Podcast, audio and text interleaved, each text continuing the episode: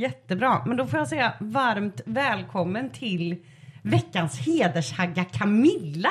Tackar, tackar. Hur är läget? Jo, det är bra. Ja, Ja, jag ska presentera dig eh, lite senare, men jag får ju ställa som vanligt frågan hur, eh, hur har veckan varit? Min ham hamsterhjulsvecka. Ja. Alltså, ja, jo, men den, den har rullat på. Den har rullat på. Mm. Ja. Men vad i skolan och ja, hemma med barnen. Ja, men Lekt i precis. snön. Och, ja. Och sen så har du rymt hit. ja. Ja. Men en sak som vi gjorde i veckan, vi gjorde mjukglass utomhus. Va? Ja. Hur, alltså... Man har, har en bunke i snön och häller i grädde och socker, eller florsocker och sen vispar man tills det blir mjukglass. Är det sant? Ja. Du är så himla du är så piffig med det här. Du kom hit och hade gjort egen pina colada marmelad Jajamän. och säger att allting är så enkelt. Jag skulle inte kunna lista ut de här ingredienserna med så under pistolhot. Instagram. Ja, ja, ja. Ja, jag, Mm, jag ska inte ta åt mig händer. äran direkt inte så att jag är en mastermind. Ja, jättekul. Det måste ju Ja. barnen ha tyckt var roligt jätteroligt. Ja. Det var jobbigt att vispa dock. Ja, det kan jag tänka mig. Det var typ 20 minus så det var Mm. ganska kallt. Men jag tänker att vad ska man ha barn till om inte för att sätta dem i arbete? Ja. Eh, hur har din vecka varit då?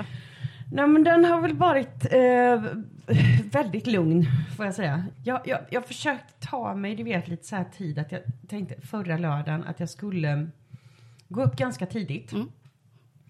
Och sätta mig på ett café. Oj. Och dricka kaffe och du vet titta på människor Mm. som gick förbi. Kanske läsa mig en liten bok. Äta lite morotskaka. Götta mig. Mm. Sagt och gjort, åkte till Linné, satte mig på café och in kommer två killar. Och det är ju inte så att man sitter och tjuvlyssnar. Jo, lite. Men det gör man ju. Ja. Så. Ja. Men just i det här fallet så var det att jag kände hur, alltså alla, alla mina aggressioner, du vet, triggades igång. För de här killarna skulle ha ett samtal om filmer Mm. och tv-serier. Och kunde inte ett enda namn. Och jag, kände- jag kände hur jag började, det började jag, ville, jag ville klättra på väggarna. Mm. Till slut så ville jag vända mig om och skrika Matt Damon! Alltså, just för att de aldrig kom fram till vem det var. Ja. Och när de sen då, alltså det tog ju liksom jag hade ju fattat vem det var de pratade om på en millisekund. Mm. Men de höll ju på att tjata om den här filmen i kanske fem minuter. Och sen tog de fel namn Mm. Nej. ändå. Ja, gulligt. Så att det slutade med att jag fick gå. Mm. Rofyllt. fint. Kunde jag, kunde jag gå förbi obemärkt? Absolut inte. Han heter Matt Damon, sa jag. de tittade upp som två fågelholkar. Och sen så sorti. Ridå, adjö. Men det, det går inte. Det, det, är, det är en sån, sån grej. När folk är för tröga och säger fel namn, vad det än är. Så blir jag... Men hur hittar du alla de här människorna? Nej men jag vet inte, det är ju någonting, alltså det, det, det är ju att man tjuvlyssnar och man överhör. Och sen så har ju jag liksom väldigt mycket triggers i ryggraden, som, alltså grejer som stör mig när människor pratar. Jag har ju läst böcker, jag har fått det förklarat för mig. Man får inte avbryta för att berätta för människor att de är dumma i huvudet och inte vet någonting. Skapar trist stämning. Ja. Så då brukar jag försöka hålla mig. Och nu tog jag det mogna beslutet att gå innan jag exploderade. För jag sa inte alla andra namn. Nej. De hade missat. Jag sa bara Matt Damon. Bra jobbat, Ja, precis. Jag Klapp axeln. Jajamän, kände att ändå att det var personligt framsteg Ja. så här vid 43 års ålder. Jag vet inte om de höll med. Men så det har jag gjort.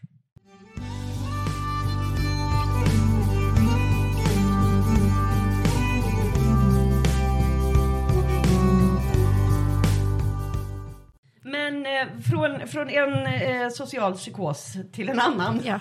Idag ska vi ju prata om Hillsong. Mm. Du har ju gästat eh, podden tidigare. Mm. Eh, jag och Amanda spelade in två avsnitt om Hillsong i säsong ett. Mm. Och då var ju du ganska nyavhoppad och var Mm, med som mm. anonym gäst Ja. om inte jag minns fel. Det stämmer. Men nu ska vi ju gå igenom lite hur det faktiskt ser ut bakom kulisserna Mm. på Hillsong Sverige. Därför att du Camilla, vill du berätta lite om din roll? Du Mm. var ansvarig för guest relations Precis. när du var med i Ja, Hillsong. stämmer. Vill du berätta lite om din, eh, din tid i Hillsong? Ja. Eh, men det började med att vi skulle, jag och min man skulle vara med som ledare på ett läger. Okej. Ehm, Och eh, då fick man välja sig lite vilket team man ville vara med i. Då fick jag vara med i köksteamet. Mm. Och från ingenstans så den ledaren som skulle vara ansvarig för allting skulle åka därifrån. Eh, och då frågade de mig om jag kunde ta över den ledarrollen under lägret och Okej. se över scheman och allting sånt. Eh, och jag tänkte, ja men det kan väl, för jag tänkte att allting var redan fixat och sådär. Eh, och, så jag tog, tänkte, ja men det kan jag väl göra. Ja, kul. för man tänker ju att det, det är uppstyrt, Ja. att de inte liksom släpper någon som är Ja. helt oansvarig på Ja, en precis. sån viktig roll. Liksom. Ja, och tänkte det var ändå kul att få det förtroendet efter bara någon dag. Eh, så jag tänkte, ja men det, jag kör. Eh, men det blev ju mycket, mycket mer jobb än vad jag trodde. Det var ju dels att folk inte kom och att liksom, det var väldigt långa arbetspass. Eh, och att då som, man, som teamledare då, det var jag och en, en kvinna till som hjälptes åt. Men det är ju så att man var uppe sent, gå upp tidigt på morgonen för att man ska ju vara där mycket tidigare än alla andra. Eh, Hur långa dagar var det ungefär? Alltså det var ju, det började ju ja men, fem, sex på morgonen. Eh, för då ska man ju fixa med gröt och det ska ju Jajamän. fyllas på och dukas fram. Eh, och sen sista måltiden var ju så här kvällsmacka typ i elva. Ja. Eh, och då höll man väl på till ett kanske. Eh, sen var det ju lite olika arbetspass man liksom hade ju, man delade upp dagarna liksom. Men det blev ändå väldigt mycket, mycket arbete och lite sömn liksom. ja, och är det de dagarna om folk uteblir och allting Mm. sånt så är det ju att ni är uppe vid fem och får gå och lägga er klockan ett. Ja. Hur länge var det? En hel vecka? Eh, ja, Ja. det var en hel vecka. Fick ni någonting betalt för det här? Nej, vi betalade ju för att vara volontärer på lägret. Okej. För att då få mat och sovplats tror jag. Så att ni betalade för att få mat och, sov, alltså mat och sovplats när ni jobbar mellan 05 på morgonen Ja, till ett på natten? ja typ. Okej. Mm. Ja, nej, men, så det var ju en väldigt tuff vecka och de, som, de volontärerna som var med i köksteamen, de började ju liksom de mådde inte heller bra. Nej. Eh, De grät ju till slut. Liksom. Vissa orkade och åkte hem tidigare för att de pallade inte trycket. Liksom. Eh, Och jag grät också till slut för att jag kände att jag orkar inte. Det här blir för mycket. Liksom. Fanns det något ledarstöd runt omkring där som ni kunde vända er till eller få hjälp av? Eller? Eh, lite både och. Alltså det fanns Okej. väl några ledare som vi pratade med, men oftast blev vi så här, om vi blev sena eller så, så blev det mest att de blev så irriterade på att men vi måste tidigare lägga lunchen en kvart Ja. för att det ska passa med resten av schemat. Men det går liksom inte att stressa på mat, alltså, kök, Nej. alltså förberedelse för maten. Liksom. Den, är inte, den är klar vid den här tiden, vi kan Precis. inte göra det snabbare. Liksom. Nu jobbade inte jag fysiskt i köket med matlagningen, utan jag var ju vad ska jag säga, koordinator Mm. eh, för allting annat runt omkring.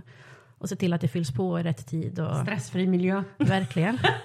Och då hade jag också med min, eh, min son också. Mm. Som satt i en barnvagn och tittade på. Mestadels av tiden. För min man, han var ledare för eh, men någon så grupp, Mm. barngrupperna liksom. Eller ungdomsgrupperna. Eh, så att han satt ju mest i barnvagnen och åt majs och tittade på, på Patrol. Ja. Typ. Ja men precis. Och det här är liksom första veckan som du ja. sladdar in på det här med Ja. ledarskap i Hillsong. Ja, men de var supernöjda efteråt. Jag fick jättemycket beröm för att jag hade gjort det där och liksom att jag hade styrt upp det så bra tillsammans med den andra kvinnan. Då. Men, men jag kände att man fick ju liksom ingenting för det riktigt så. Nej. För varje morgon så hyllade de någon, någon i, av ledarna, liksom någon som har varit med som volontär. Liksom. Mm. Eh, och någonstans hoppades jag, eller man kände ju så att jag kanske borde också få lite uppmärksamhet så liksom. Precis. Och det är lite grann det här som ligger i eh, Hillsongs kultur. Mm. Att man jagar nästan det här, att få den typen av bekräftelse. Att man ska Mm. bli hyllad av ledaren. Att man ska få vara med på en bild på någons Instagram där det Ja. står hur fantastisk man är. Precis. Eh, att man jobbar någonstans mot det målet. Ju mer du jobbar desto större chans är det att du hamnar där. Men så det här är din första vecka. Mm.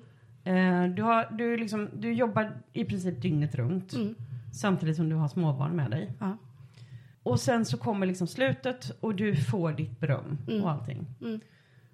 Hur, vad, händer, vad händer liksom mellan det här med att du har varit med om den här hemska upplevelsen Mm.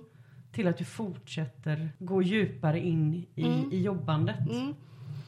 Mm. Nej, men det var väl just den här känslan av att jag gjorde någonting som uppskattades. Att Mm. jag, jag har ju alltid varit omhändertagande och varit gjort, den som gjort det lilla extra Mm. för alla. Liksom.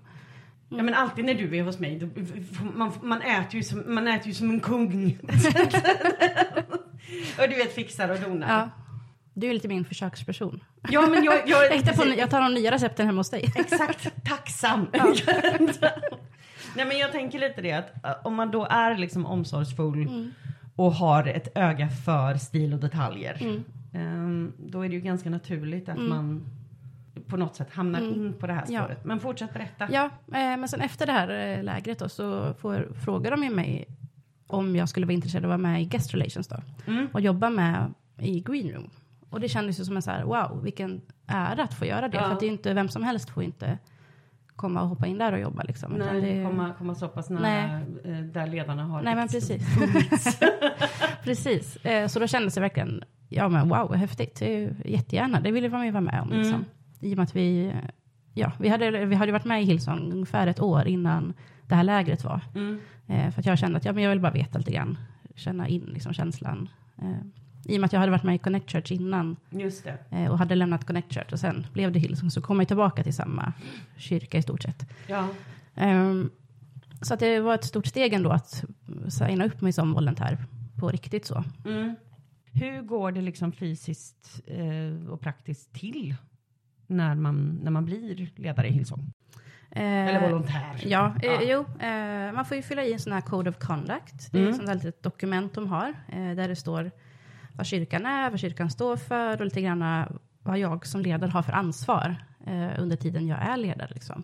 Så det är en liten lista på olika saker som man skriver under på, liksom, som ett kontrakt. Just det. Mm. Eh, En code of conduct.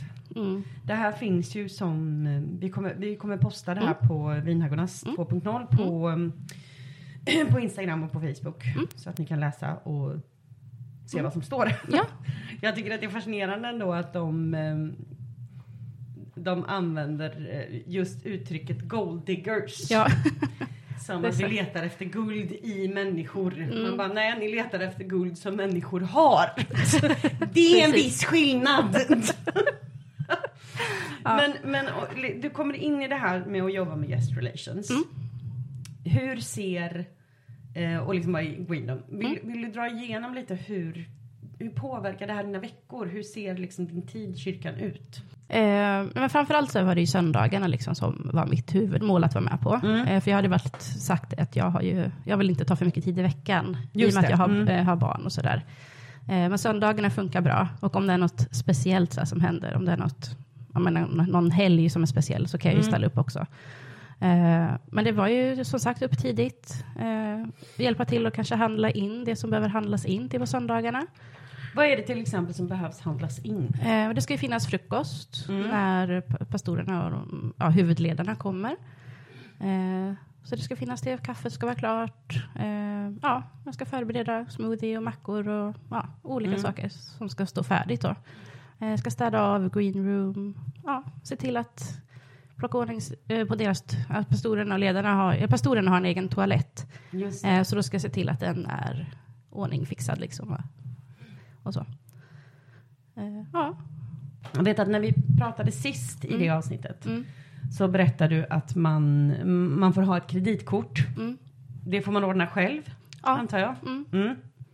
Och så handlar man på det Mm. och sen så liksom, ja men får du in pengar Ja. från då Ja. Hillsong. Man behöver ju inte ha just kredit. Man, står, man, betalar, man lägger ut pengarna. Precis. Men man får ju tillbaka dem sen så länge, så länge man lämnar in kvitto bara. Så, Ja. ja. Om du hade glömt kvitto, vad hade hänt då? Eh, det vet jag faktiskt inte. Nej. Det, det går väl alltid att få tag på tror jag nu för Ja. tiden. Är så mycket som är så digitalt. Men eh, jag vet faktiskt inte. Jag, behöver, alltså, grejen är att jag behöver ju inte lämna in kvitto om jag inte vill heller. Nej. Eh, det är bara om jag vill ha tillbaka pengarna. Ja det är ju en fördel i och med Ja. att du lägger ut med dina egna så vill man Ja, gärna ha tillbaka ja, det. Mm. Ja. Eh, och sen blir det kanske någon små grej ibland som man så här, äh, men jag orkar inte hålla på. Alltså lägga in kvitto till det här programmet och ta kort och fylla Mm. i. Handlar det om 50 kronor ibland så var jag så här, äh, men jag, jag bjuder väl på det typ. Ja. Eh, att det, ibland är det lite mer jobb att bara sitta och lägga in kvittot i det här Det- programmet.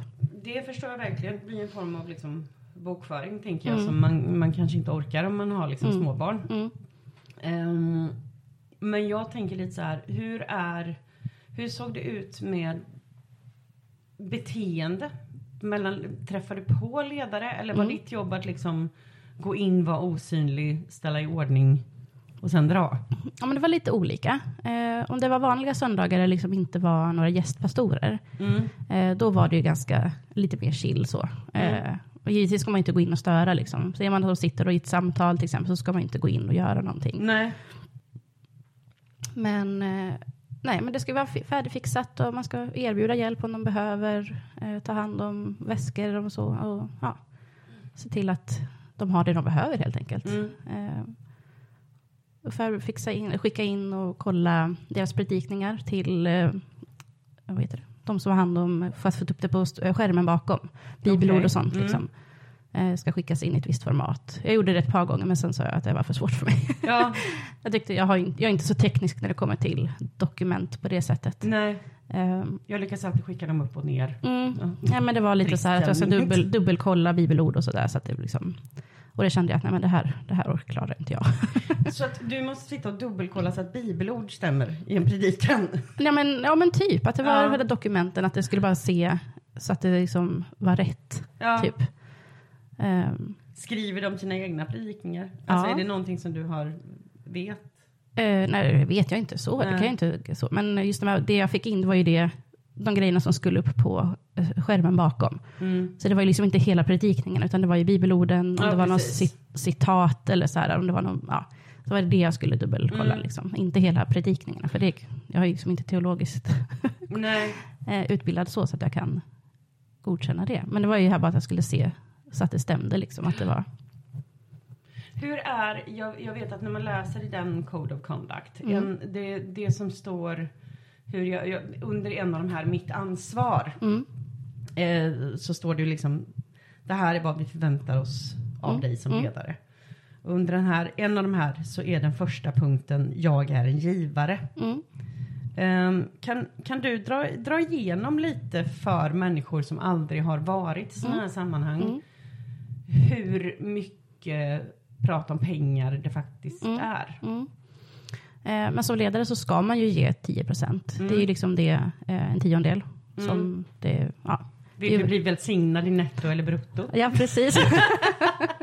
Det här är en sån Ja. gammal grej som Ja. alla liksom eh, karismatiska pastorer alltid drar Mm. för att de är inte nöjda med om man ger sitt Mm. tionde efter skatt. De Mhm, vill att mm. man ger 10% av sin inkomst Mm. innan Aha, skatt. mm. Mm. Eller ja, jag har ju varit med i Karisma, det Ja, kanske ja, ja. var lite värre Ja, till det och kan med jag tro där. det. Jag tror det. Eh, nej, men som sagt, nej, men man ska ju vara givare i både tid och pengar. Just det. Eh, så att det handlar inte bara om att du ska ge din tid, utan du ska också ge, alltså stötta kyrkans Mm. arbete med dina pengar. Eh, och det är ju 10 procent. Det är inte så att de... eh, Jag tror inte att de dubbelkollar eller håller koll på en, för jag gjorde inte det. Så. Nej. Eh, jag har ju alltid haft svårt för det där med tionde sen tidigare. Betalar pastorerna i Hillsong tionde? Någon som håller koll på det? Det vet jag inte. Det har jag ingen aning om. Nej. Det ska, finns det ska de väl göra, men jag Ja, men det finns hoppas ju att ingen de gör det. Ja, det finns ju ingen insyn i Hillsongs ledning ändå så det kan Nej. vi inte få reda på. Nej. Nej. Mm. Eh, ja.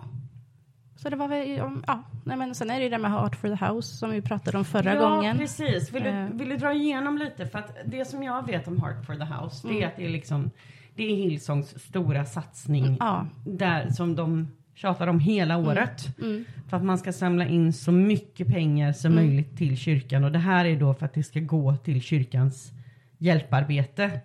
Bland annat, ja. Det, Eh, I och med att väldigt, väldigt mycket av kyrkans andra pengar går åt till pastorernas livsstilar. Ja. så, ska man väl samla ihop något litet till någon liten Ja. avkrok i Afrika. ja. Mm. Mm. Nej men som Heart for the House, då är det ju liksom en gång per år. Ja. Där, och då tanken är att man hela året ska liksom samla på sig pengar, eller så här, förbereda sig för den här stora dagen. Det är liksom nästan som en helig dag. Ja. Ehm, De har skapat en egen högtid som går Ja. ut på att samla in extra mycket pengar till dem. Ja, men precis. Eh, och, ju- alltså, ja. och det blir ju ganska stora summor på en söndag, för det är ju en söndag det är. Ja, Och det är över, alltså, jag tror det har varit 17-18 miljoner någon gång. Liksom. ja, ja. ja. Plus då den samma dag så ska man också ge, har de även kollekt. Liksom. Så man är så här, ja, det Ja. Sen blir ju grejerna så ofta när det är liksom just i ledarbiten där så är det ju att som ledare ska du föregå med gott exempel. Då ska du vara Mm. uppe där. Det ska synas Mm. att du är där och swishar mm, och har dig. mm, Ehm, jag skulle bara jätte, jättegärna vilja se hur mycket ja men till exempel Andreas och Lina har swishat in själva under denna viktiga, viktiga helg. Mm. Ehm, för det som blir speciellt är ju att eh, det här är ju någonting som är unikt för just Hillsong, det får vi ju säga. Mm. Att det här är inte någonting som föregår i andra pingstkyrkor eller någonting sånt, Nej. att de har en specifik helg. Nej. Och jag kan ju tänka mig, hur går liksom retoriken kring Heart for the House? Hur, länge, alltså, hur länge tjatas det helt enkelt? Eh, det laddas ju upp ett par veckor innan. Eh, dels att det, de filmar in vissa par i kyrkan och vissa personer som pratar om eh, vad kyrkan har fått betytt för dem och varför de ger pengar till Heart for the House. Eh, och det är ju de här, alltså, det är inte alla i kyrkan som Nej. får vara med på de här videorna heller. Liksom, utan, ja, men De det är som är som, högst, hö- högt upp i hierarkin. Ja, men lite. Och sen kanske några som är lite så här, börjar bli. Mm. Eh, men, det är, ja, men det är mycket upp- uppsjåsas kring den här dagen. Liksom. Att Det pratas mycket om att hur viktigt det är att ge, liksom, att Gud ska välsigna kyrkan. Och, eh, och för att fort, kyrkan ska kunna fortsätta det fantastiska arbete de gör. Mm, precis. Så behöver ju alla hjälpa till.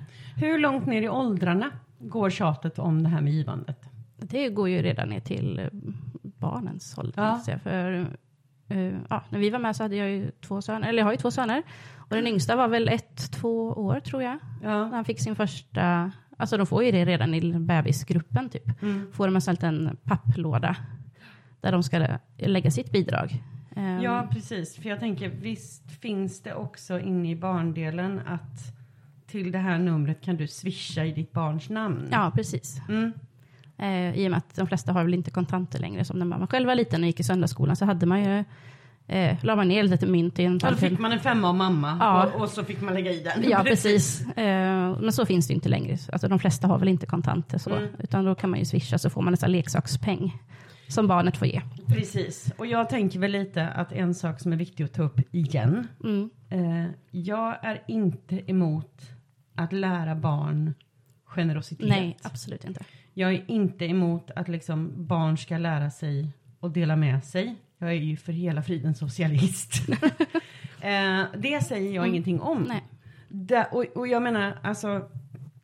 Det är en jättebra grej Mm. att lära barn det här. Att det finns liksom, behöver dela upp våra Mm. tillgångar på något sätt.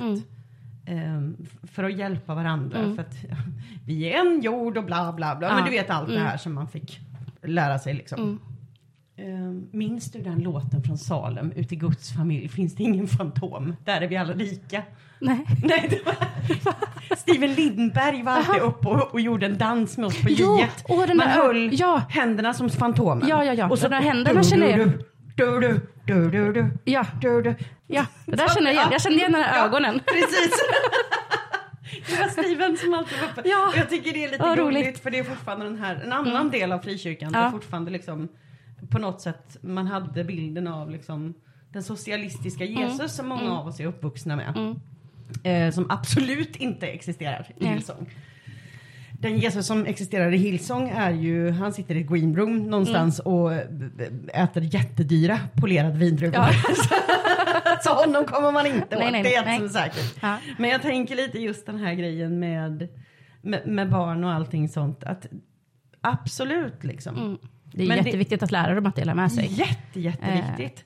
Men det gör grejen är ändå, så att jag. jag känner väl kanske inte, jag hade inte känt mig jättebekväm om jag hade barn Nej. med att lära dem att liksom ge av sina surt förvärvade eh, veckopengar som att de får för att de eh, lever. Mm. Ja.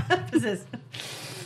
Till att liksom eh, Andreas och Lina Nilsson ska få lite bättre märken på det de förtär. Mm. För att det, det som man får ha liksom väldigt, väldigt klart för sig och ett, jag kan säga ett bevis på det här.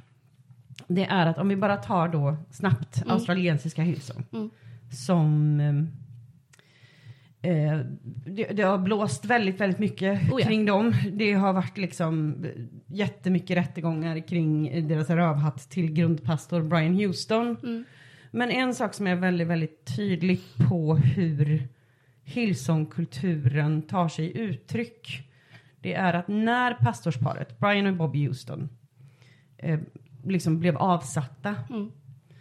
så finns det ett Instagramkonto där Bobby Houston, Closets Baby Closet, där hon säljer sina märkesgrejer för att få in pengar. Eh, man kan också se bilder på Bobby Houston där hon är ute bland ehm, alltså några av de här liksom ställena som Hillsong hävdar att de hjälper. Ju, det finns ju också- dokument som har visat hur otroligt liten procent av alla pengar som kommer in som går till det som de säger att det ska till.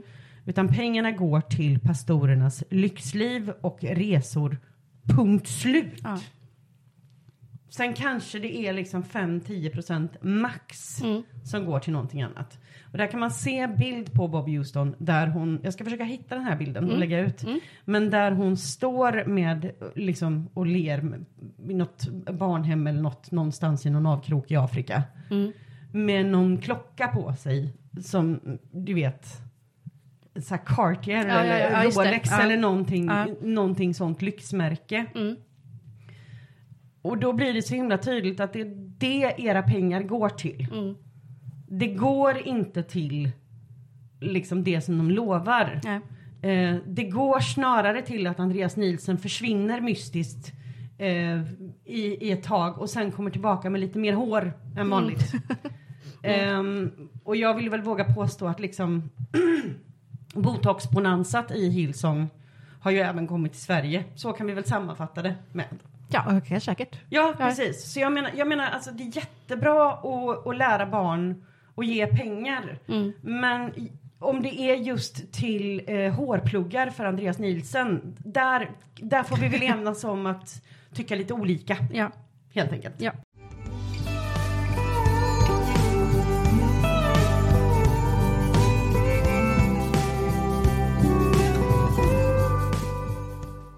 Ska vi se här. Om vi tittar på Hillsongs kostnadsfördelning under 2022 så kan vi se här att då går 39 procent av allt som Hillsong får in eh, ja, men till eh, personalen. Alltså löner och hela den bal- balletten.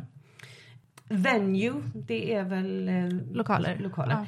36 procent går till lokaler, hyra och sånt. Eh, 16 procent av allt som Hillsong får in. Det går till logistik och lagerhållning, resor och gästkostnader, IT-kommunikation, tryckkostnader och bankavgifter, kontorsmaterial. Ska vi se här. 7 procent av allt som Hillsong fick in gick till missionsarbete. Och 2 procent av Hillsongs samlade årsinkomster under 2022 gick till investeringar utanför ordinarie budget. Så då har vi alltså svart på vitt att det som Hillsongs pengar, Hillsongs pengar går till det är eh, lokal, personal och ehm, liksom ja, men logistik Ja, kring allt det här. Skicka runt eh, pastorerna på, på hotell och resor och allting sånt. 7 procent Mm. av allt som Hillsong får in Mm. Ja, det året i alla fall. det året. Nej men så, så att i alla fall att här har vi liksom svart på vitt vad Hillsongs pengar går till. Det går till personal, lokaler och livsstil för pastorerna. Och eh, 2 till oklara utomstående investeringar. Mm. Plus också det här att tre, jag tror att 3 eller 4 procent av allt tionde som kommer in skickas ju till eh, det globala Hillsong. Alltså Ja. Hillsong Australien blir det väl då antar jag. Precis. Eh, så att en del av pengarna månadsvis skickas ju direkt till stor Hillsong. Eller, ja, Exakt. Så man kan säga att liksom just den här grejen, och det är därför jag kan bli så frustrerad på att människor eh, står och dividerar om Hillsong är en sekt eller inte. Alltså det nej. Ja. Nej, jag tror inte Det är ett pyramidspel. Ja, mm. Det är ett företag, ett franchiseföretag också. För att de betalar ju för Ja. att få använda Hillsong-namnet. Mm. Så alla Hillsong-församlingar över hela världen betalar ju in, jag tror det är 3 eller 4 procent eh, till Hillsong. Mm. Eh, ja, och det är ju ganska mycket pengar. Det är väldigt, väldigt mycket pengar. Det är väldigt, väldigt, väldigt många miljoner. Och så finns det de här Hillsong Family-kyrkorna betalar, jag tror det var 2 procent. Ja. Ja. de betalar lite mindre för att bara få ta del av eh, Precis. bara få använda materialet utan Ja. att vara en renodlad Hillsong. Utan då är de, Exakt. ju, de är ju sin egna kyrka fast får använda Hillsong. Så det är väldigt Mm. likt Hillsong. Connect Church var ju en Hillsong Family-kyrka innan det blev Hillsong. Okej, innan Hillsong kom och tog över. Mm. Ja. Det hade varit väldigt, väldigt intressant att höra historien om Mm. det på något sätt. Mm. Upptagandet eller uppköpet Ja. eller vad det nu är. Ehm, så är det någon där ute som lyssnar och har mycket information om det Mm. så får ni väldigt gärna höra av er. Men vi pratade lite förut om att det var lite eh, lugnare i, i Göteborg, Hillsong, Mm. med pastorerna när det inte var gästtalare. Precis. Eh, vill du beskriva från din roll i Guest Mm. Relations hur, hur dina helger såg ut när det var ja, men större konferenser? Jag tänker att om pastorsparet från Stockholm kommer. Mm. Eh, berätta lite Ja. hur det var. Eh, men om det skulle vara vi fick gästpastorer, eh, då hade de, alltså de i Stockholm hade oftast bokat hotell eller så gjorde några av oss det. Mm. Eh, och då ska man då checka in på hotellet åt dem innan de kommer och vi ska ha fixat ordning en sån här welcome gift eller som box med Mm. lite nötter, lite frukt och lite så godis och så här gott som man kan ha Mm. på, på kvällen. Och även se till att det finns drickor och så.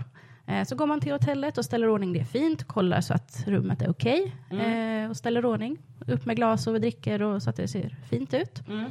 Eh, sen ska man också kolla hur det ser ut med parkeringsmöjligheter, om hotellet har att de kan parkera Okej. bilen. Eh, annars brukar det ofta vara att man ska se till att någon möter upp pastorerna och parkerar bilen åt dem. Så de backar inte bilen själva? Nej, Nej, okej. Mm. nej. så att de, man, någon möter upp och parkerar deras bil oftast. Okej. Ibland Mm. väljer de att inte göra det, men, eh, ibland, ja, men oftast är det så att då lämnar de över till någon som ska. Eh, och kommer de med flyg så ska de bli hämtade på flyget. Mm. Eh, då brukar det oftast hyra sin bilar. Det. eh, till det. Ja, och som får så hämta och lämna då. Mm. Eh, det är inte alltid det blir så, men det beror på om de flyger eller om de åker med sina egna bilar från Stockholm till exempel. Eh, och är det lite större event, om det ska vara inspelning av typ någon lovsångs... Under pandemin så var det ju så att då hade vi dem, vi spelade in i förväg för att kunna sända online. Just Ja. Mm. Eh, och då var det en helg eh, då vi skulle spela in här i Göteborg. Eh, från fredag till söndag tror jag det var. Okej. Eh, och då var det ju liksom, hade de ju hyrt lokaler. Eh, och jag skulle fixa ordning två greenroom, ett till pastorerna och ett till lovsångsledarna, alltså de ledarna som Ja. Eh, och då, men då skulle jag se till att det fanns, alltid fanns mat, att det alltid fanns dricka, typ, att det skulle finnas lunch och middagar. Eh, volontärerna fick äta pizza eh, nere med alla andra Ja, volontärer. med liksom. Ja. Ja. eh, och ibland, vissa av personerna vill ju hellre ibland äta med volontärerna för att Mm. de kände att de vill, alltså, de är ju också mänskliga ibland. Liksom. Mm. Eh, Så det blev att det blev mycket mat över som liksom inte åts. Mm. Men det skulle alltid finnas på något sätt. Det, är så att, det ska se till att det finns mat. Det är inte säkert att de vill ha det. Men eh, Nej, men det är just det som, som liksom, för att jag kommer ihåg att jag har ju sett bilder från alltså vissa greenrooms Mm. och allting sånt. Och, och just det här, eh, nej men alltså, bångnande Mm.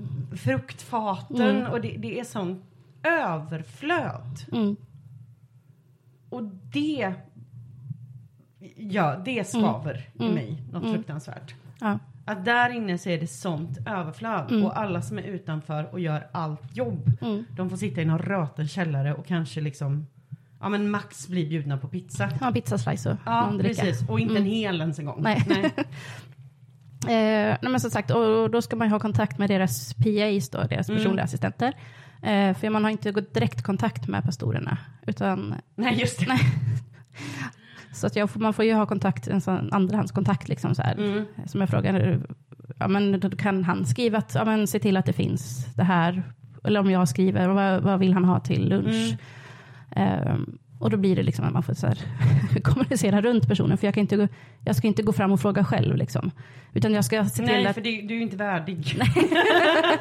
Nej men jag menar det. Men alltså, det är det, det här, som- det som du beskriver nu. Mm, jag, jag tänker på, alltså, jag, det ringer en klocka i mig, alltså, just med, med kändispressen Mm, under mm. 90-talet och tidigt 2000-tal.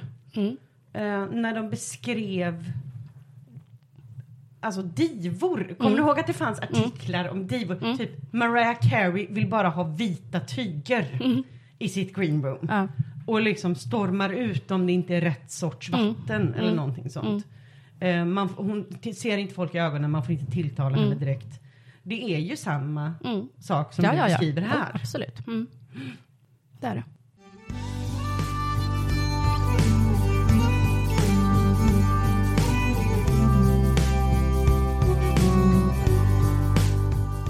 Men jag tänker lite så här i den här liksom privilegierade miljön och mm. allting sånt. Mm. Eh, man har ju hört allt ifrån du vet polerade vindruvor Mm. till det ena med det tredje. Ja. Vad, vad har du för såna här komiska minnen för regler som fanns som du var tvungen att förhålla dig till? Ja, alltså en sak som är väldigt, väldigt rolig, som jag aldrig riktigt förstod varför, Ja. det var att när Andreas var på besök, Ja. eh, på den här pastorstoaletten så skulle det alltid vara tänt.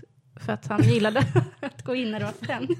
För att det var för jobbigt att tända lyset. Ja, typ. Ja. Jag vet inte. Men det var det liksom så här, se till att det alltid är tänt på toaletten. Ja.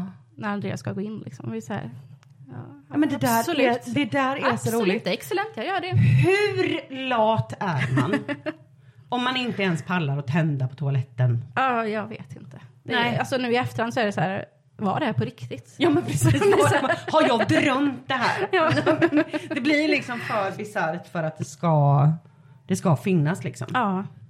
Nej, ibland om det är något väldigt speciellt, då ska man ju ha, ha, har de ju dresscodes ibland, att man ska klä upp sig på ett visst sätt. Eller man ska, Okej. man ska ju se, eh, vad ska man säga, pro, alltså, Hillsångig. Hillsångig. Ja, Ja. men man kanske man tar på sig någon kavaj, eller man ska se så här, ja, professionell ut på något sätt. Var har du hatten? Ja, precis. Jag har glömt den hemma. Kross. pannkaka tillbaka och hämta. Ja. Så- så, så kan det vara, men det är inte alltid Mm. det är så, utan vanligtvis, man ska ändå tänka på att man ser bra klädd ut. Liksom. Ja. Att Man kan inte komma i mjukisbyxor och en slet, sleten t-shirt. Liksom. Nej. Eh, nej men så de har lite olika saker de tycker om eh, och så man ska se till att det finns om de vill ha det. Mm. Eh, men som till exempel på den här vår inspelning eh, inför den här lovsångsgrejen. Eh, på toaletten då så har, ska de, fanns det bara vanliga så här, pappershanddukar och vi brukar alltid använda så här bomull, små bomullshanddukar som man tvättar. Just det. Mm. Sån här engångs. Eh, och det hade, det- hade vi inte med oss dem. Eh, och då vi, just då höll de på i kyrkan då att eh, rådde om saker, så vi hittade dem inte Mm. när vi behövde dem. Så då köpte vi nya bara för att de skulle kunna torka händerna på under. Ja. och det, är också så här, det, är liksom, det fanns ju vanliga pappershanddukar som på alla eh, toaletter som Ja. finns överallt. Eh, men då skulle vi ändå skaffa de här. eh, För det är inte bra nog. nej, nej. Och det är lite det som jag, jag tänker på för att ehm, just när, när Andreas Nielsen var ungdomspastor i Stockholm Karisma Center. Mm. En liten parentes här. De av er som har missat, jag kan ha tjatat ihjäl mig om det här. Men om någon har missat Instagramkontot eh, Stockholm Karisma Center Mm. så gör de en journalistisk genomgång av hela Karismas historia. Mm. Och jag tar upp det här nu därför att det som jag minns mest ifrån Andreas och det som jag har hört mest av när jag har pratat med de som var med i 180, hans ungdomsgrupp. Mm. Det som han alltid tjatade om då, det var excellens. Mm, ja. Bara det bästa av det bästa är gott nog. Mm. Och det som han alltid sa var If better is possible then good is not enough. Ja. Mm. Men verkligen så. Det är ju, genomsyrar ju verkligen hela Ja, arbetet. och det är ehm, det är en speciell självbild Mm. att se sig själv eh, bara förtjäna Mm. det bästa. Mm. Speciellt när det är liksom människor som jobbar på Mm. golvet, ger av sin tid, betalar för att vara med och jobba gratis, Mm. ger alla sina pengar. Och eh, han har bara den här statusen Mm. på grund av att de ger pengar Mm. till honom och eh, organisationen Mm. han representerar. Mm. Det, är, det är magstarkt Mm. Ja, att ha en sån självbild. Mm. Mm. Men vad händer till exempel då? Eh, om vi då tar det här liksom med pappershanddukar är inte gott Mm. nog, det måste vara det. Vad händer om man gör fel? Har du varit med någon gång Mm. om- det och liksom sett att det, det inte har blivit exakt som eh, Andreas eller Lina ville? Mm. Eh, det var väl framförallt på lägren när man liksom inte så riktigt, för då hade de ju ett rum där man inte såg in i rummet, så man Mm. visste liksom inte alltid om det var någon där. Eh, och då vet jag att då, någon gång jag gick in för att byta ut kaffekannan, liksom, för att då Mm. skulle, det skulle finnas nytt kaffe. Eh, och efteråt, då var ju de där inne och efteråt så fick jag det, då blev jag tillsagd att det inte var så jättebra att jag hade gått in bara. Eh, så efter det så var jag tvungen att hålla kontakt med deras PA för att se om de var där inne innan jag gick in. Du driver med mig Nej. för att kunna byta ut kaffe och serva dem i det rummet. Ja. Ja, ja, nej men det låter rimligt. Mm, Precis. Ehm, Jag ska också säga under den tiden så, det, det var ett annat läger som jag var på. Eh, och då hade jag ju en två månaders bebis ja. konstant i bärsele på mig under hela den tiden. Ja. Eh, och det är också nu när man ser tillbaka, jag har jobbat höggravid också Mm. eh, och slitit som ett djur. Och nu när man ser tillbaka på det så, jag hade ju extremt mycket foglossning då. ja. Eh, och det var Ont. ont. Det var bara förnamnet. Och nu i efterhand så inser man att någon borde ha sagt att nej, det här ska inte du behöva göra. Eh, så. Men, Men eh, det är alltså, så att, det, det är ju det jag menar, att det är ju det som blir så obehagligt. Att när man bygger upp en sån kultur Mm, där liksom ledarna ska servas och behandlas som gudar. mm, Och att det inte ens finns omtanke om att en höggravid kvinna springer runt och liksom sliter som ett djur och har ont. Mm, Därför att det absolut viktigaste som, som finns det är att ingen ser liksom. Ja. Andreas i ögonen vid, vid fel. Mm, det, det är så skevt. För jag tänker, jag, jag, jag blir ju ändå sån här, jag, man minns ju eh, sin bibel från när det begav sig. mm, Ehm, jag förstår verkligen inte hur man kan liksom se sig som kristen, ha läst bibeln mm, och tro att det som Andreas och Lina Nielsen gör är rimligt. nej. Och det är lite, jag tänkte på en liten lustig grej om det där. Jag vet inte om du har tänkt på det här. När vi var små Mm, och liksom i ungdomen så fick vi ju liksom lära oss det här. Du ska inte missbruka Herren, det Guds namn. mm, mm, Och det vi fick lära oss var ju, du får absolut inte säga herregud. nej. Men är det inte snäppet värre att exploatera och utnyttja människor tills de är förbrukade Mm, i Guds namn mm, för egen vinning? mm, Var är det här okej? ja.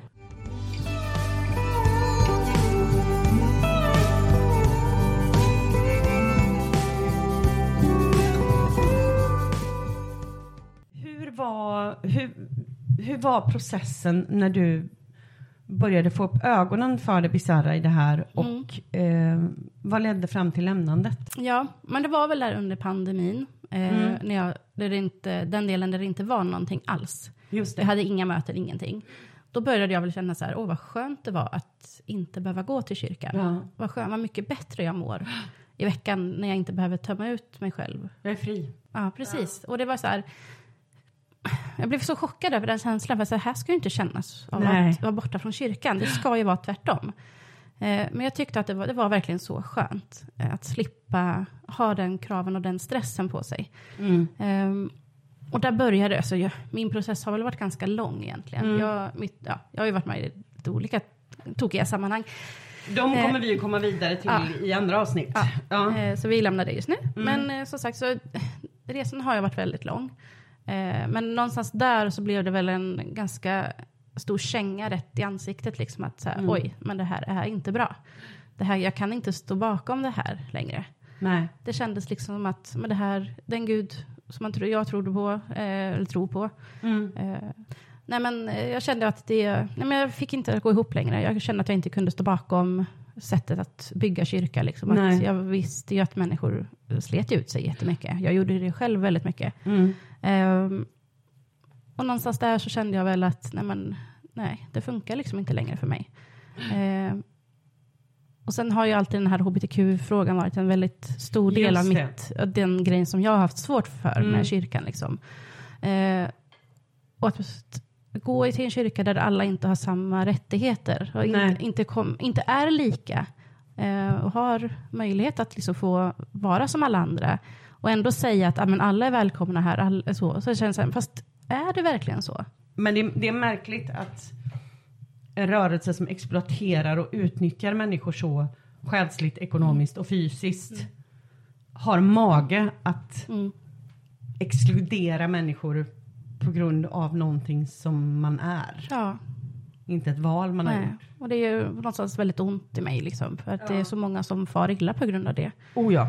Eh, och en sak som blev också i det här så, eh, kom jag, eller så var, hittade jag ett konto på Instagram eh, där de frågade, och de pratade mycket om Hillsong, eh, och liksom frågade allmänt så här, hur har era, upp, alltså era upplevelse varit i Green Room. Och då var det Mm. liksom över hela världen. Så svarade alla samma.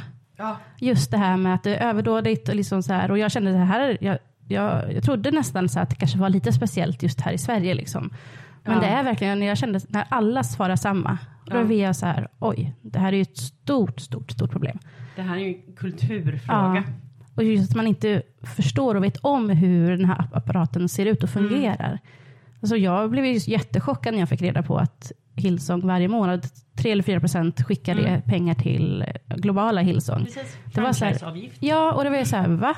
Det visste inte jag om. Nej. Vet man om det i kyrkan när man ger tionde? Att det är så lite, alltså, det var så 7 procent går till missions, alltså missionen. Så det är ju, om du ger 100 kronor så är det 7 kronor. Ja. Och resten går till annat. Ja.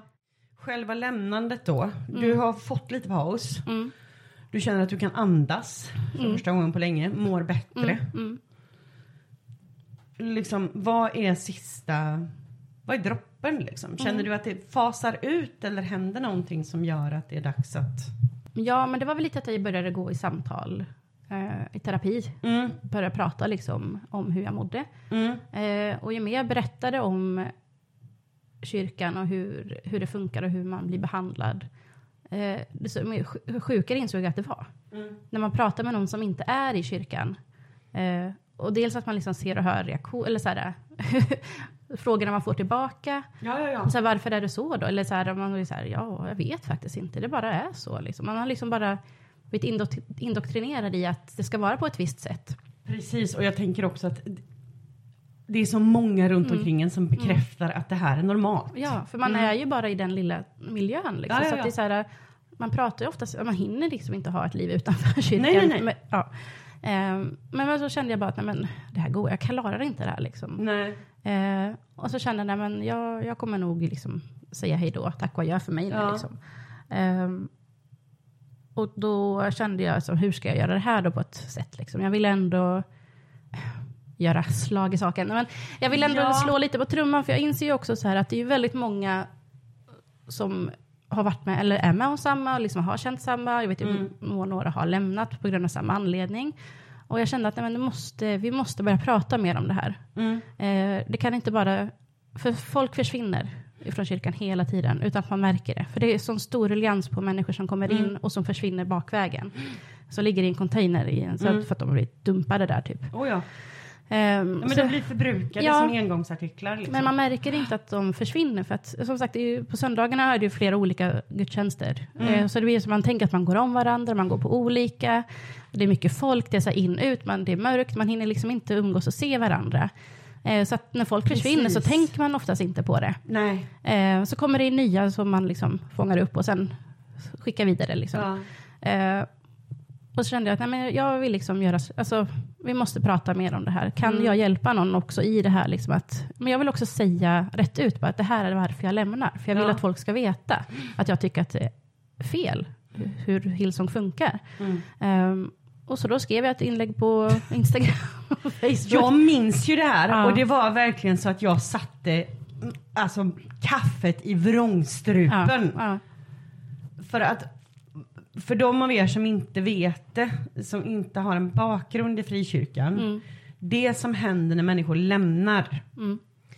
ehm, det brukar oftast vara att det blir antingen en sån här liksom. De försvinner från kyrkan och börjar leva rövare och liksom. Mm. Ja men du vet, dyker upp full. Alltså du vet, det är otroligt dramatiskt. Mm. Eller så backar folk ut i skuggorna och försvinner. ja. Och här liksom sitter jag och läser liksom en sån här. Ja hej, jag tänkte bara klargöra lite grejer. Ja. Punkt ett. Och det var väldigt, väldigt befriande och otroligt modigt och eh, imponerande liksom. Vi var ju flera som eh, pratade ihop oss om det här och alla var så här, men inte i helvete heller att jag hade vågat det. Aldrig i livet liksom. Nej, det var ju inte lätt ska jag säga. Nej, det förstår det tog ett tag innan jag tryckte på liksom, skicka Ja. eller lägga upp där. Liksom. Men la du ut den innan du hade ditt avslutande pastorssamtal? Ja. Du gjorde det? För Mm. jag vill fråga dig lite som, som avslutning. Ehm, hur gick ditt ehm, avslutande samtal med din pastor till? Mm. Eh, nej men jag kände ju någonstans också att jag ville förklara mig lite. För Mm. vi har ju haft en väldigt, vi hade en väldigt fin relation. Mm. Eh, och pastorn var ändå den personen som stöttade mig till att gå och prata i, med, i terapi, liksom, för att få hjälp med de grejer som jag tyckte var svårt i kyrkan. Just det. Så den var väldigt stöttande, vi har haft en jättefin relation. Eh, och så. Eh, så jag kände ändå att jag vill ändå förklara mig, liksom, inte bara... För jag har liksom stuckit ifrån destruktiva sa, eh, Sammanhang, sammanhang tidigare och jag kände att jag vill för för första gången riktigt få ett avslut. Mm. Där jag liksom ändå förklarar och liksom, ja, får säga min del till pastorerna. Ehm, så då träffar jag pastorn eh, i kyrkan eh, på kontoret. Eh, och min tanke är så här, men jag vill, jag vill spela in samtalet. Ja. Dels för att jag själv var i en väldigt stressad situation. Jag Ja. var jättenervös. Eh, och jag ville också kunna kom, lyssna på det efteråt och se liksom så här, Precis. bara komma ihåg vad som sades. Liksom. Eh, så att jag vill ju spela in samtalet. Eh, men eh, det får jag inte. Just det. Mm. Eh, så jag var, var tvungen att lägga ner eh, mobilen i väskan och ställa väskan utanför kontoret. Eh, Ja, det är speciellt. ja, alltså. här Ja. någonstans borde jag väl kanske insett att jag borde ha dragit bara. Ja, Att jag inte borde ha fortsatt eller haft det här samtalet överhuvudtaget. precis. Ehm, men så smart var inte jag då. Eh, I den här situationen så, ja, så, fortsätter jag ju bara, så börjar vi samtala istället. Mm. Eh, och jag försöker förklara varför och hur jag tänker. Liksom. Mm. Och det var sån, ett sånt kallt bemötande. Ja.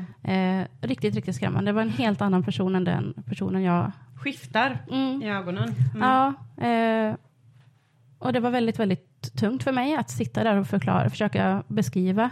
Eh, och det enda man liksom får tillbaka är för, alltså, försvarstal på Mm. eh, att så här var det egentligen inte. Vi, vi tog upp det här också. Vi har liksom ändrat på sen dess. Liksom så här. Inom citationstecken, du tänker fel. Ja, lite så. Ja. Det, här är, det här är ditt ja. huvud. Liksom. Men gaslighting Ja. eh, one on one. Ja. Eh, och sen så pratar jag lite här om eh, det här med homosexualitet. Mm. Eh, och någonstans här så har jag, jag har ju personer nära mig som är homosexuella. Mm. Och någonstans brister det här för mig, för det blir för känsligt i den här situationen. Så För att, jobbigt. ja, så att jag bryter ihop, för jag tycker att det, är- ja, men det är för jobbigt. Eh, så jag sitter där och gråter. Och pastorn bara sitter och tittar på mig. Ja. Liksom inget medlidande överhuvudtaget. Eh, jag får fråga om jag kan få en här, eller papper. Kan Ja. Finns det papper? För jag, alltså, var ju tårar och snor överallt kändes det som. Eh, Var det i den här stunden som han började liksom insinuera hot om att din man kanske lämnar dig för att... Eh, Mm. ja. eh, för, Orkar du berätta om det? Ja, absolut. Eh, för det som händer är ju att jag försöker förklara lite grann hur jag ser på Gud och att jag känner att den guden som jag tror på får inte riktigt plats i kyrkan. Jag vill, den guden jag tror på eh, älskar alla oavsett. Liksom. Mm. Gör ingen skillnad på människor. Skulle aldrig behandla människor på det här sättet. Eh, och det jag får till mig är ju att eh, jag försöker få ner Gud på en förstående nivå där jag förstår Gud. Vilket gör Precis. att den guden jag skapar är en avgud och Just inte det. Gud, alltså Bibelns Gud. Eh, och det var ju också jättetufft att höra att någonstans att jag inte då lä- längre är på något sätt blir kristen för att jag tror på en avgud istället för Ja, men han har ju precis kallat dig för avgudadyrkare som Mm. är en av de värsta liksom, synderna genom eh, alltså, hela Bibeln. Ja. Ja. Och sen pratade jag om det här i terapin, att jag liksom så här försökte omvärdera lite grann hur, men hur jag tänker på saker, som saker som man liksom bara blivit matad med som barnsben, om att Mm. så här är det. Och sen när man börjar inse, så här, men är det verkligen så här, tycker jag så här, eller tycker jag så för att alla andra har sagt att jag ska tycka så? Eh, och då säger han liksom att eh, eh, dekonstruktion är ju en trend som är väldigt stor just nu. Just och det det. leder oftast till skilsmässa. Det där är så Ja. sjukt. Det där är verkligen ett indirekt hot Ja. på att visst lämnar du Gud men då kanske Mm. din man lämnar dig. Ja. Eh, och det tog ju jättehårt såklart. Det är ju Det är klart det gör. Ja, eh, för min man, han, hade fortsatt, han var ju fortsatt eh, alltså ledare i kidsarbetet Mm. fortfarande. Och jag har ju sagt hela tiden att jag vill inte gå mer, men vill Mm. du gå så får du det. Jag tänker inte tvinga dig att gå. För vi Nej. har lite olika syn och ja, vi tänker på olika sätt. Mm. Eh, så jag sa det, så länge inte du tvingar mig att gå så kommer inte jag tvinga dig att inte gå. Precis. Eh, och han har ju varit kvar i arbetet liksom, och Ja. jag har varit helt okej med det. Eh, men pastorn säger också så här, jag förstår inte att din man, att du kan göra så här att din man fortfarande kommer hit. Mm. Eh, och då tyckte jag också, det kändes också lite obehagligt. Ja. Eh, det är som att, vad gör han här? Ja. Eller så. Ja, det var ju ett jättetufft samtal. Eh, Ja. eh, och så pratade vi också det här, nämnde han ju där att jag har ju tidigare lämnat församlingar eh, Mm. eller, sam, eller sammanhang där som inte har varit positiva. Mm. Där jag också bara dragit. Eh, och han, eh, på något sätt så här, det, det du har gjort liksom, du har ju kastat hela Hillsong under bussen. Liksom. Det här är det vi har byggt upp, det är liksom mitt livsverk typ, lite Mm. mer eller mindre. Eh, men att de förlåter mig för det. det är så Nej men tack. Ja, jag var så här, jag sa liksom ingenting om, om det. Jag var så här, jag kände så här, jag har inte bett om förlåtelse. Jag, jag är inte här för att be om förlåtelse för någonting. Jag är bara här för att förklara mig. Ja. Eh, Jag tänker inte be om förlåt för jag har inte gjort något fel. Nej. Jag har bara berättat hur jag tänker och känner och det är aldrig fel på det Nej, sättet. nej, nej, liksom. Ehm, nej, men som sagt så nämner han ju också det att jag har ju lämnat sammanhang tidigare på, Mm. lik, inte liknande sätt kanske, men ändå så här att jag har bara stuckit liksom för att det har blivit, men det har ju varit så destruktivt så att något annat hade ju inte fun- funkat. Mm. Nej, liksom. nej, nej. Ehm, Men det är att han, då det han gör där i och med det. Mm. Det är ju inte bara att han liksom slänger ett av dina tidigare sår i ansiktet på dig. Och, för, för det är ju det han gör. Mm. Han säger ju att, eh, ja men nu börjar jag ju misstänka att det kanske inte var så farligt i den församlingen. Att det var du som var problemet Mm. Ja. även där. Ja. Och det är ju lite det i sådana här hierarkiska församlingar Mm. så måste man ju komma ihåg att precis allt som händer det är alltid ens eget fel. Mm. Ja. Aldrig Ja. ledarens. Nej. För Nej. de står ju under Guds beskydd. Och det här var ju så stor chock för mig också. För han, Ja. Som sagt, han har ju varit jättestöttande och för, varit väldigt förstående för mig. Eh, eller för det jag har varit med om. Och det Mm. är ändå så här att gör det som funkar för dig. För det är det viktigaste, att du känner dig trygg. Och sådär. Och nu när jag gjorde det så Ja. vände det så plötsligt. Och, eh, han säger också typ att jag inte kommer kunna hitta någon församling i framtiden som Nej. kommer funka. Jag kommer aldrig liksom hitta hem eller hitta en plats där jag Ja. hör hemma. Eh, och det är ju också ganska... Eh, Det är, ju, det är en ganska duktig dom Ja. över någon. Och jag tänker väl lite så här att att, liksom att komma med hot och en slutgiltig dom. Mm. Att du inte kommer hitta hem för Ja. att du har valt att lämna Hillsong. Ja. Det är ju så Då- uttalade lögner liksom. Men det är ju så, Ja. de pratar ju så mycket om att man ska tala i tro, man ska liksom, det du säger påverkar så mycket av vad som Mm. kommer hända. Så att uttala för någon i den ledarpositionen, jag var ju liksom i underläge här liksom. Ja. Och att då uttala att du kommer inte hitta någonstans där Nej. du hör hemma. Ehm, efter det jag har gjort liksom. Och det blir ju klart att det, och i- i det samband med också med det här att jag inte längre, att jag tror på en avgud, att jag inte ens tror på Mm. den kristna guden längre. Och jag har ju fått höra flera gånger efter, alltså efter jag lämnat i, att Ja. jag inte kan, kan få kalla mig kristen längre. Just det. Eh, och det ställer ju också till jättemycket i så här, men vill jag verkligen vara en del av det här? Hur ska jag kunna Nej men precis, är det, är det liksom, är det det här man måste välja mellan? Ja. Att ha liksom tungan uppe i tolvfingertarmen Mm. på Andreas Nielsen eller brinna i helvetet? Nej men då väljer jag, då brinner jag hellre. Ja, Helt gör- ärligt. ja. Ja. Och, och det är det som blir obehagligt i just den här situationen för att det visar väldigt, väldigt väl på att eh, det handlar inte om, om kristendomen. Mm. Det handlar om att du har lämnat Hillsongs lära. Mm. Och då blir jag lite sån här, alltså. Det där är ju varningsklockor Mm, mm. om någonting. Att komma med att någon kommer i förtroende och berättar eh, hur man upplever det hela Mm. och möts med eh, kyla, hot och en slutgiltig dom över sitt liv. Mm. Eh, för det som han säger där, Mm. det påminner mig jättemycket om vad eh, det var en lesbisk tjej i Karisma Mm. som blev eh, tvingad av ledningen att gå i någon slags hittepå befrielseprocess Mm, mm. hos Mattias Lekardal. Ja. Och när hon till slut sa att vet du vad, det är inget fel på mig. Mm. Jag tror att Gud, alltså, Gud har skapat mig av en Mm. anledning och Mm. liksom jag har inte gjort, det här är inte mitt fel. Nej, nej. Eh, så var hans slutord till henne, då lämnar jag dig i djävulens våld. Ja. Och jag tror, alltså nu är det grövre, Mm. men det är fortfarande samma Mm. sak som Hillsongpastorn i Göteborg säger till dig, Ja. fast i andra Ja. ord. Mm. Och det är just den där grejen att folk eh, förstår inte hur skrämmande det är att våga stå upp emot Mm. någonting. För att det som vi har varit i, det handlar om ett evighetsperspektiv. Mm. Ja. De här män- det går inte att jämföra med en förening eller någonting.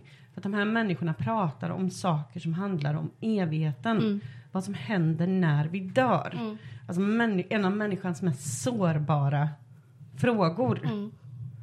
Och jag är vansinnigt stolt över dig och imponerad Mm. Ja. över att du vågade. Mm. Eh, jag är extremt tacksam över att du har varit med idag. Mm. Har du det bra idag? Lever du? Är du fortfarande gift? alltså, vad liksom, har, har du Ja. drabbats av den totala misären som utlovades? Nej, inte. Nej, Nej. precis. Ehm, för att det är hot Mm. och eh, domar som inte han har mandat att uttala mm. över Och någons jag förstår att jag inte ville att jag skulle spela in det här samtalet. Nej, ja, precis. Nej, av det en hade anledning. hade inte varit så jättebra att det här på band. för annars hade det kanske dykt upp som en liten... Tada! Gubben i lådan kom fram. Tjohej! Men vi ska avrunda lite här. Eh, jag, jag är så glad i dig Ja. och jag är så glad att du Ja. kom och att jag fick förtroendet Ja. att lyssna på din Mm. Historia. Du kommer ju återkomma. Jajamän. Eh, så jag får säga Mm. tusen tack för att du var med. Tack själv.